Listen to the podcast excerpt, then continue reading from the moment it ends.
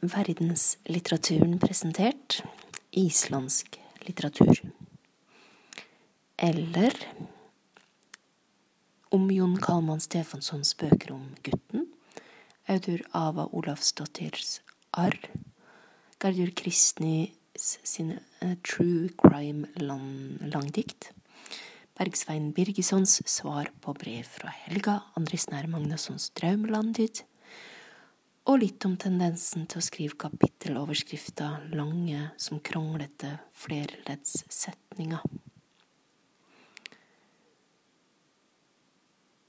Jeg er en utøvende forfatter med bakgrunn fra billedkunsten, med en stor kjærlighet for Island som litterært univers, og den islandske energien som litterær stemning.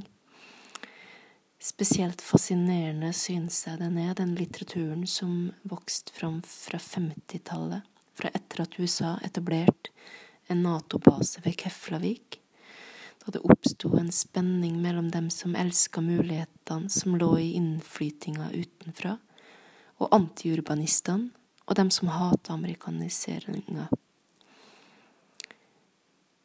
Det interessante med islandsk litteratur, syns jeg, er at uansett tiår, kanskje uansett hundre år, så har dikotomien by versus bygd alltid vært aktuelt.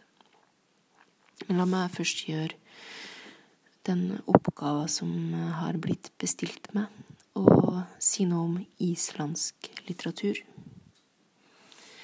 Og da blir det på grunn av den tida jeg har, oppsummerende og refererende. Islendinger er kanskje det eneste folkeslaget som alltid har fortalt historier. De er jo et ungt folk, og nesten fra det fantes folk på Island, fantes det kanskje irske nonner som var fra og til. Noen av dem, som dem i et klaustur i Fjotsdalen nordøst på Island, skrev ned soga som som lenge hadde versert munnlig. Det kan se ut som at noen av nonnene selv var litterært anlagt, da noen av sogene ser ut til å ha blitt farga av Bibelen. Ta for eksempel Ravnkjell-sagaen. Den blei mistenkelig lik Genesis-fortellinga fra første Mosebok. Kort fortalt så blir gårdsgutten Einar nekta å ri hesten Frei Faks. Einar falt for fristinga og ridd Freifax likevel. Det endte dårlig. At islendinger var sterk språklig og når det kommer til dramaturgi, det må den norske kong Håkon Håkonsen og hertug Skule ha visst, for den rike og mektige lovseieren Snorre ble valgt av nordmennene til å skrive de norske kongene sine soga. Det lå selvsagt flere former for maktspill bak oppdraget. De norske kongene skulle få sine heltebilder tegna. Og så skulle Snorre bli enda rikere. Og han skulle hjelpe nordmennene til å legge Island under seg. Dette endte også dårlig. For nordmennene endte bra. De har siden hatt sine heltebilder tegna og nordmenn flest har tatt kringla heimsins, som kongesagaen heter, som god fisk, altså empirisk historie. Det står fortsatt sterkt i den norske selv, eh, i den norske identiteten. Selv om en kaller islandske mellomaldersagaer for sandsaga, f.eks. kongsagaen, eller man kaller dem for lygisaga, som Ravnkjell-sagaene, altså dem som er mest diktning, er sanningsbegrepet diskutable i alle sagaer. Det sanne i alle soga fra den tida er tidsbildene som de tegner av hvordan folk på Island bodde og gjerne tenkt og reagert. Og til felles har alle islendingesagaene, som er samlenavnet på alle sagaene, både Snorres, men også Lygesagaene og resten av sagaene, er at de blir kalla god litteratur, som at de har kløkt dramaturgi, sans for spenning, humor, kuriøse fakta, og noen av dem har også denne spenninga i at man mimer historieskriving stilmessig, men at det egentlig er diktning. Noen av sagaene er enormt karaktertallige og spenner over et stort område over lang tid. Andre, som Ravnkjell-saga, er fortetta, kompakt, dykker dypt ned i et par karakterer, er stor litteratur. Min påstand er at islandske forfattere siden da har skrevet i det spennende skjæringspunktet mellom dikotomiene mangfoldig versus stramt, åpe versus fortetta og intenst, og overflødig versus kresent. Hvordan det kommer til uttrykk i litteraturen i den islandske dansketida, altså tida fra etter middelalderen og fram til selvstendighetsåret 1918, må jeg av tidshensyn velge vekk. Jeg vil til de her eksemplene, til bøkene, til dem som jeg nevnte innledningsvis.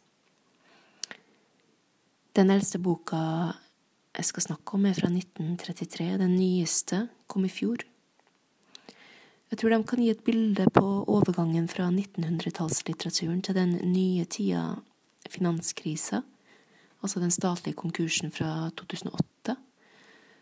Også reparasjonen av finanskrisa og ny-nyliberalismen, som uh, har tegna nesten hele 2010-tallet.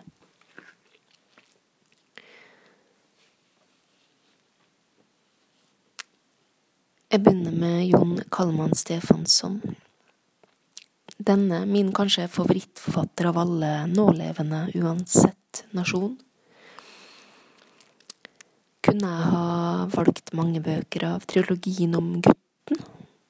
Den skildrer det islandske samfunnet sin bevegelse fra bygd til by, og gjør det gjennom den individuelle historia, skulle jeg valgt den, der protagonisten er en filosofisk og poetisk anlagt ungdom med litterære anlegg.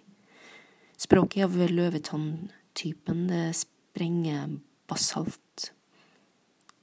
Så sa også Jon Kalman Stefansson til bransjebladet Bok og Samfunn her i Norge, det var vel rundt 2017, på den tida da Aftenposten kunne såkalt avsløre at Vigdis Hjorts arv og miljø hadde element fra forfatteren sin biografi, og Jon Kalman sa altså i Norge ser jeg at man diskuterer om romanen er sann. På kultursidene. På kultursidene skulle, skulle en ha hylla den kreative kraft i skjønnlitteraturen. Utropstegn, spørsmålstegn.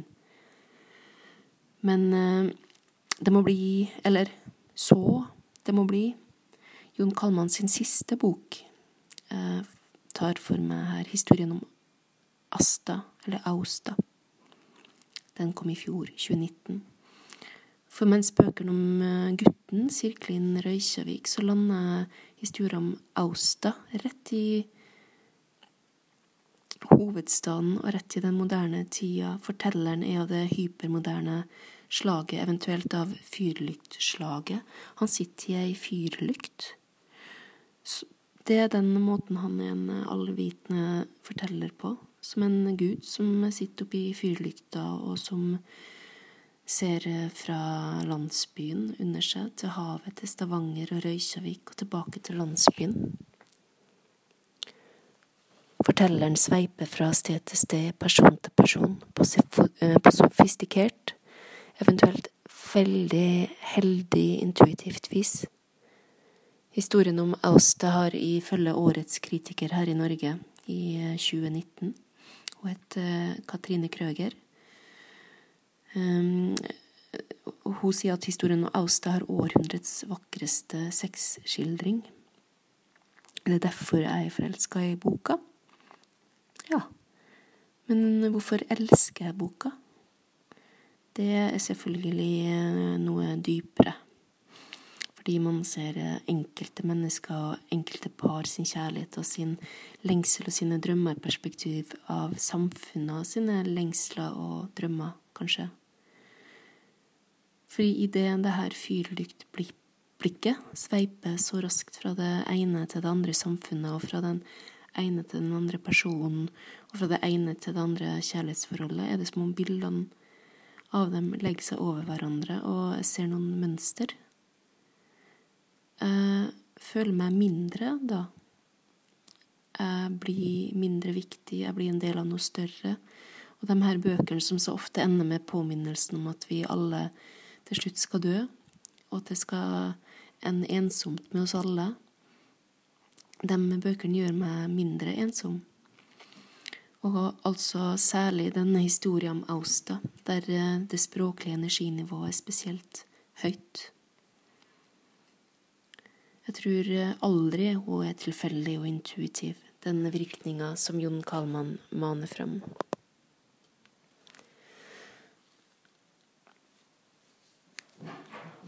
Så det her var altså den nyeste boka til Jon Kallmann, og den eh, er fra nåtida, ei globalisert tid.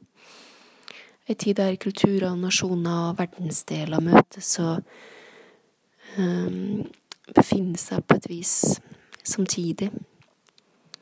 Alt er alltid en kjapp og billig fritur unna, og ganske ofte er alt på samme tid, på samme skjerm.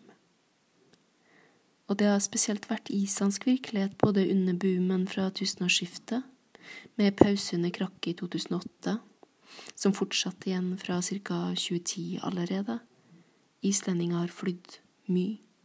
Lavflyselskapet Wow Air satte i gang. Det ble en priskrig på flygninger, og det ble etterspurt eh, å få enda flere flights til og fra Keflavik og hele verden. Turismen vokste og ble den desidert største og viktigste næringa på Island og hadde sin topp våren 2019. Og jeg skal til den tida litt tidligere, året før, 2018, arr av Audur av Olavsdatter, handler om en suicidal og egentlig ganske vellykka håndverker som utenfra ser ut som at han har alt. Og det var fremmedgjøringa som eh, kommer av liberaliseringa, materialismen og urbaniseringa som gjør han suicidal. Det, det, er jeg ikke helt sikker på. Men eh, det er sannsynlig. For når han finner ut at han skal ta livet sitt, så syns han ikke at han kan gjøre det i konteksten av det gamle livet sitt. Han kan ikke dø for egen hånd på Island, så han pakker ned det nærmeste han kommer et våpen, en drill, og tar et fly til et krigsherja land han tar inn på et hotell med denne drillen, som for øvrig er en genial romanrekvisitt. Han setter den drillen på scenen i første akt, og selvfølgelig går drillen av i siste akt. Men den blir ikke brukt til det man skulle tro. I det krigsherja, fattige landet det er bruk for denne desillusjonerte håndverkeren og drillen hans.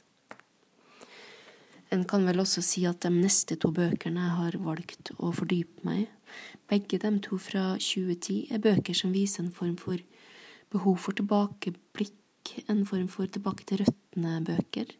Bergsvein Birgessons svar på brev fra helga er den mest opplagte. Den skildrer effekten av urbanisering ganske rett fram. Først har en kjærlighetshistorie som skjer på bygda.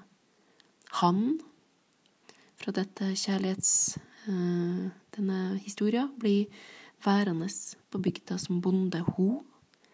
Flytter fra han til storbyen, altså Reykjavik, som har 3000, 300 000 innbyggere. Det er et brev til Ho etter at hun har flytta, at han rekapitulerer hele denne historia med all sin kontekst av livet på gården i et Island under endring. Selv om temaet kan sies å være uoriginalt, så er det geniale med boka språket som er så overtydende i sin bondske gammelmannsform at jeg, da jeg lærte at forfatteren bak var en ung mann, altså Bergsvein Birgisson, ble overraska. Da jeg leste boka en gang til, syntes jeg den var enda bedre. Og når jeg har lest andre bøker av Bergsvein og sett at han har en annen språklig stil for, ny, for, hver ny bok, så tenker jeg på han som en slags uh, at, at, han internaliserer sin tematikk og sine plasser og univers og sin tid, og at uh, det kommer ut liksom helt naturlig, som helt naturlig riktig språk for denne og den boka. Og noe lignende kunne jeg sagt om Gerdur Kristni sitt, sitt langdikt, eller sin dikt diktsyklus heller. Blodhofner, blodhingst. som er et resultat av at Gerdur har hatt et sterkt forhold til sagaen eh, om Skirnir, Skirnirs maul, men at hun også alltid har lest mer inn i den enn hva den gjeng, de gjengse tolkningene har tilbudt. Gerdur kunne Skirnismålen nesten utenat da hun satte seg og gjendikta soga, og skrev den om til ei rekke petit mikrodikt skrevet fra synsvinkel til Jotun-kvinna Gerdur. Originalen var sett fra frevleiksguden Frøy sitt sete i gudeheimen. Originalen skildrer et eh, frieri fra Frøy til Jotun-kvinna. Mange har, har tolka soga som ei vakker kjærlighetshistorie. Gerdur Kristni har lest den som historie om tvangsekteskap og voldtekt ni dager til ende. Med boka Blodhafner har hun latt Jotun-kvinna få ta eiendom over historia si. Det gjelder både selve innholdet i historia, men også i forma. Forma er feminin, både grafisk og språklig. Den er nær, både grafisk og språklig. Selv las jeg den boka omtrent samtidig med at jeg oppdaga Andris Nær Magnassons bok Draumelandid. Draumelandid eh, skildrer nyliberalismens såkalla voldtekter på islandsk natur i sakprosaform. Altså, det er boka som er sakprosa, ikke voldtektene.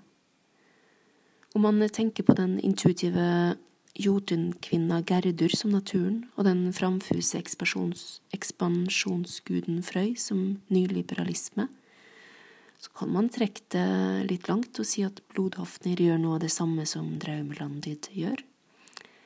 Det gir iallfall en fin overgang i mitt kåseri. Det fins dem som kaller Andri Snær sitt eh, essay Draumelandid for profetisk. Men det var kanskje ikke mer ekstremt enn at Andrisnær hadde formidla bøkene sine over hele verden i ti år før han skrev Draumelandet. At han hadde sett hvordan andre land lot natur møte økonomi på mer bærekraftige måter enn det Island drev med på fra tusenårsskiftet og utover. Og Andri hadde mot, og råd til, må jeg si, til å rope varsko. For den islandske måten var på den tida da Andri skrev drømmelandet å utnytte naturen.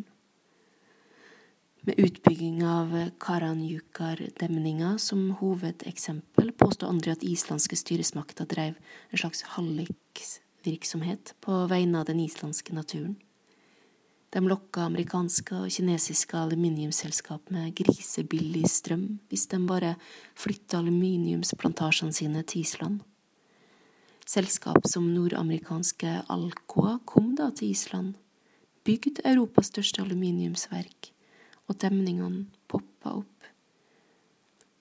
Karajunkardammen dekka et land større enn Manhattan under vann. Der pleide en rødlista gås, kortnebbgåsa og hekk, denne utrydningsdyra. Det her ville aldri vært tillatt i Norge, kommenterte Andri over en kaffe en gang jeg var på Island.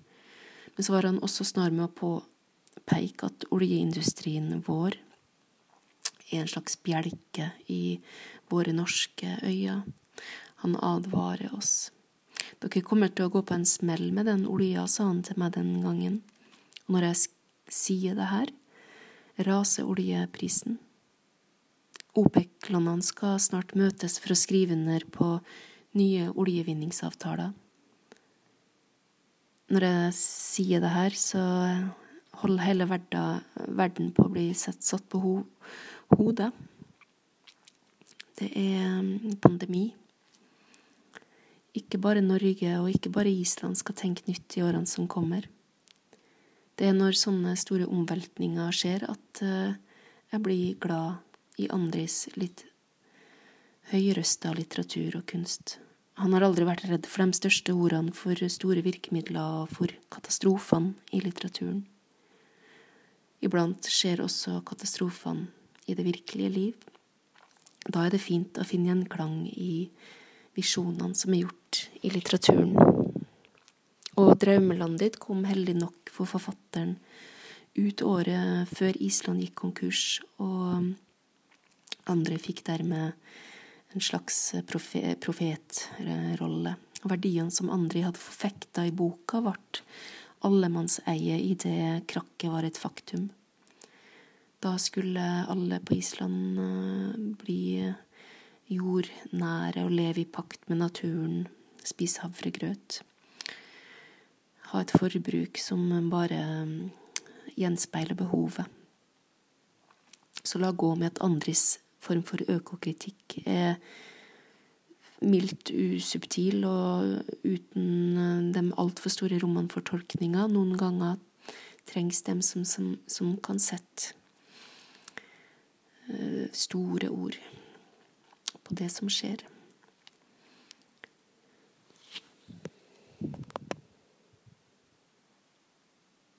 Før jeg avslutter, så skulle jeg jo tilbake til 1933.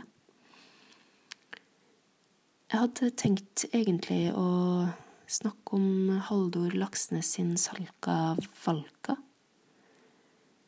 Men eh, hver gang jeg tenker på Laksnes, så popper alltid Gunnar Gunnarsson inn i hodet mitt. De to forfatterne var aktuelle for nobelprisen etter krigen, og det var Laksnes som fikk prisen. Laksnes var kommunist. Gunnar Gunnarsson litt mer klønete politisk sett. Gunnar klarte ikke å overbevise folk på den tida at hans møte med Hitler var for å snakke nazistene vekk fra å invadere Norden. Laksnes var altså flinkere språklig i møte med folk. De er veldig forskjellig litterært sett. Og jeg vakler akkurat her og nå jeg, jeg veit akkurat nå mens jeg snakker, ikke hvilken vei jeg skal gå. Laksnes eller Gunnar Gunnarsson eh, Gunnar Gunnarssons stil er intens. Eh, han eh, var en stram modernist, og jeg var spesielt glad i boka Advent, som er en slags forløper til Hemingways Den gamle mannen og havet. Plottet like streit, en aldrende mann som setter ut på snøhavet på vidda om vinteren. Han leiter etter bortkomne får, han finner fåret, og er en annen mann når han returnerer til hytta si. Det er eksemplarisk skildra, nedtona og lada av språk. Det er ingen problematisering eller politisering. Det er ikke noe essayistisk stoff i den boka. Det er bein fram god historiefortelling. Jeg kommer nesten ikke over motet som Gunnar viste ved å gå inn i en så enkel historie, og la det bli med det enkle plottet. Hvor kommer det fra, det motet? Fra sagaene, selvfølgelig. Historia er god nok. Men eh, man må jo fortelle den godt. Etter krakket i 2008 sa Einar Maur Gudmundsson eh, til meg Virkeligheten er jo uvirkelig, man trenger ikke dikt for å lage stor skjønnlitteratur. Han kunne sagt det om situasjonen vi står i i dag, når jeg sier det her, altså under pandemien. Og hvem er verdens beste til å bare transkribere virkeligheten og gjøre den til stor skjønnlitteratur? Jeg synes islendingene er veldig gode til det. Jeg ser fram til å lese mer islandsk litteratur, også i årene som kommer.